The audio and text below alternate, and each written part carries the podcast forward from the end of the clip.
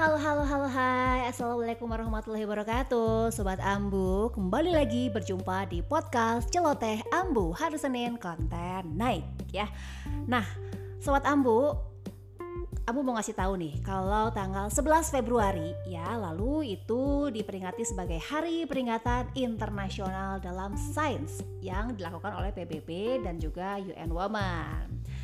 Tapi nih sayang banget sih karena Hari Perempuan Internasional dalam sains ini udah diperingati Lalu realitas di Indonesia-nya kayak gimana sih ya?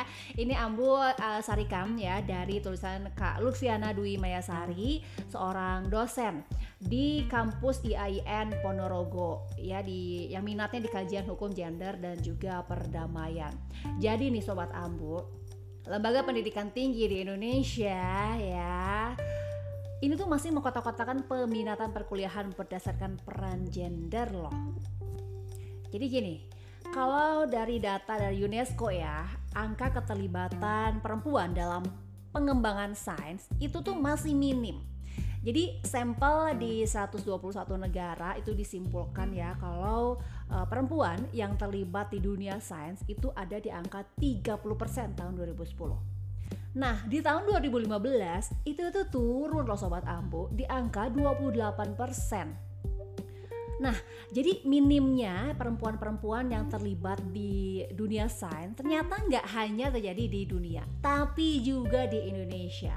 Bahkan ya di data UNESCO nih tahun 2015 itu bilang kalau perempuan dengan profesi peneliti di Indonesia itu 30% doang dari total seluruh peneliti sedikit banget gak sih? Dikit ya. Dan kenapa sih keenggak hadiran saintis perempuan ini tuh bisa muncul? Nah, penyebabnya ya karena berbagai faktor. Faktor yang pertama, ini setuju nggak sih kalau sobat Ambu ya? Fakultas Teknik dan Pertanian itu mayoritas diminati oleh siapa? Oleh laki-laki. Karena kalau data dari LIPI ya tahun 2022 itu bilang kalau minat mahasiswa untuk sekolah di teknik itu tuh lebih tinggi dibandingkan mahasiswi.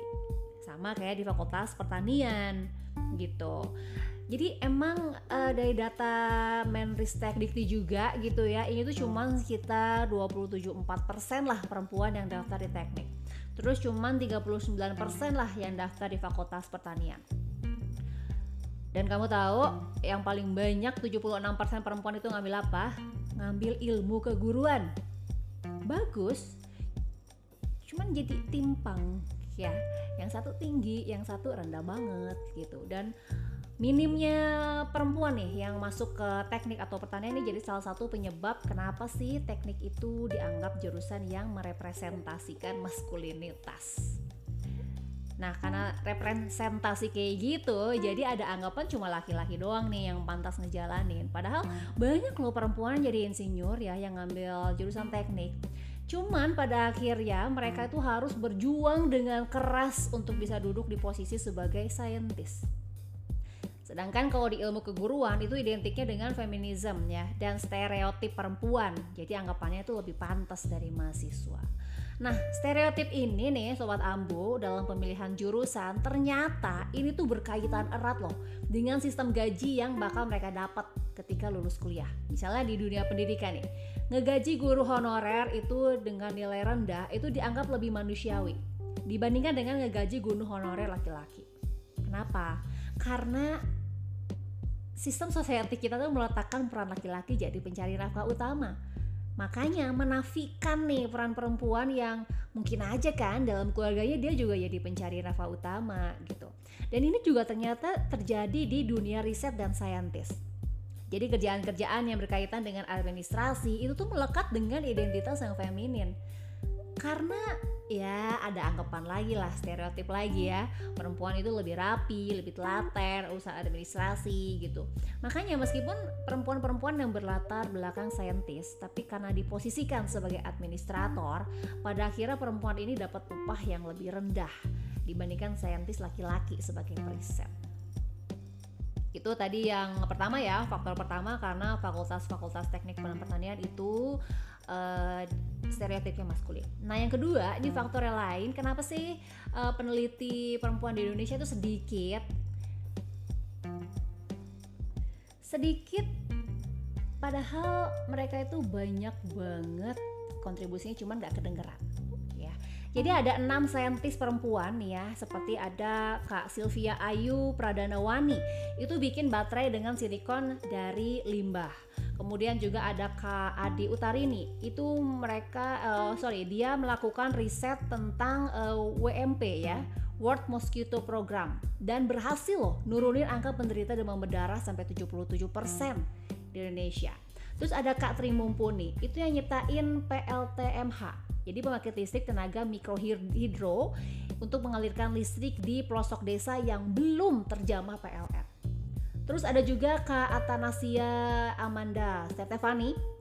Ini peneliti perempuan yang berhasil ya nemuin pengganti layar TV dan gadget yang namanya nano paper yang berasal dari bahan yang mudah terurai. Kemudian juga ada Kak Yesi Widyasari ini berhasil ngerancang kemasan produk pangan yang gak sekali pakai pakai e, untuk mengurangi limbah plastik.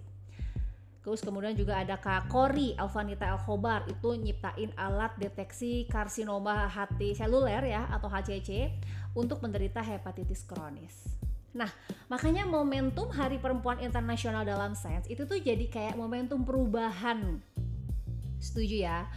Harapannya sih ya bisa berdampak gitu ke Indonesia secara khusus bagi dunia pada umumnya, terutama untuk pendidikan di Indonesia nih. Apalagi sobat Ambu kalau kamu punya anak perempuan atau punya uh, adik perempuan atau sepupu atau ponakan perempuan gitu ya, supaya nggak lagi melekatkan identitas gender dalam kategori keahlian loh sobat Ambu karena gimana pun ya, laki-laki dan perempuan itu sama-sama punya akses dan kesempatan yang sama ini untuk mengakses pendidikan di bidang apa pun.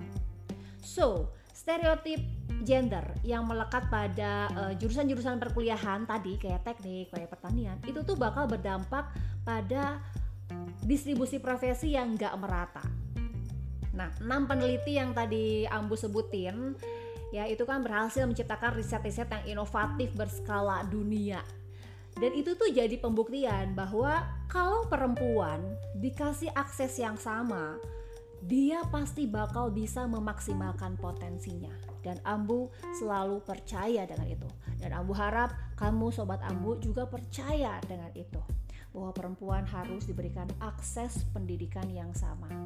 Yuk kita mulai dari diri kita sendiri ya dari Ambu dari uh, kamu sobat Ambu untuk sama-sama mengencourage ya perempuan-perempuan muda di sekitar kita untuk berkontribusi pada keluarga iya, pada publik iya, pada negara bahkan pada dunia gitu ya dengan menjadi saintis.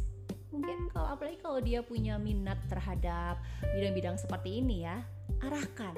Dan jangan lagi diracuni oleh stereotip-stereotip gender yang please lah udah basi banget gitu ya stereotip gender tuh ya.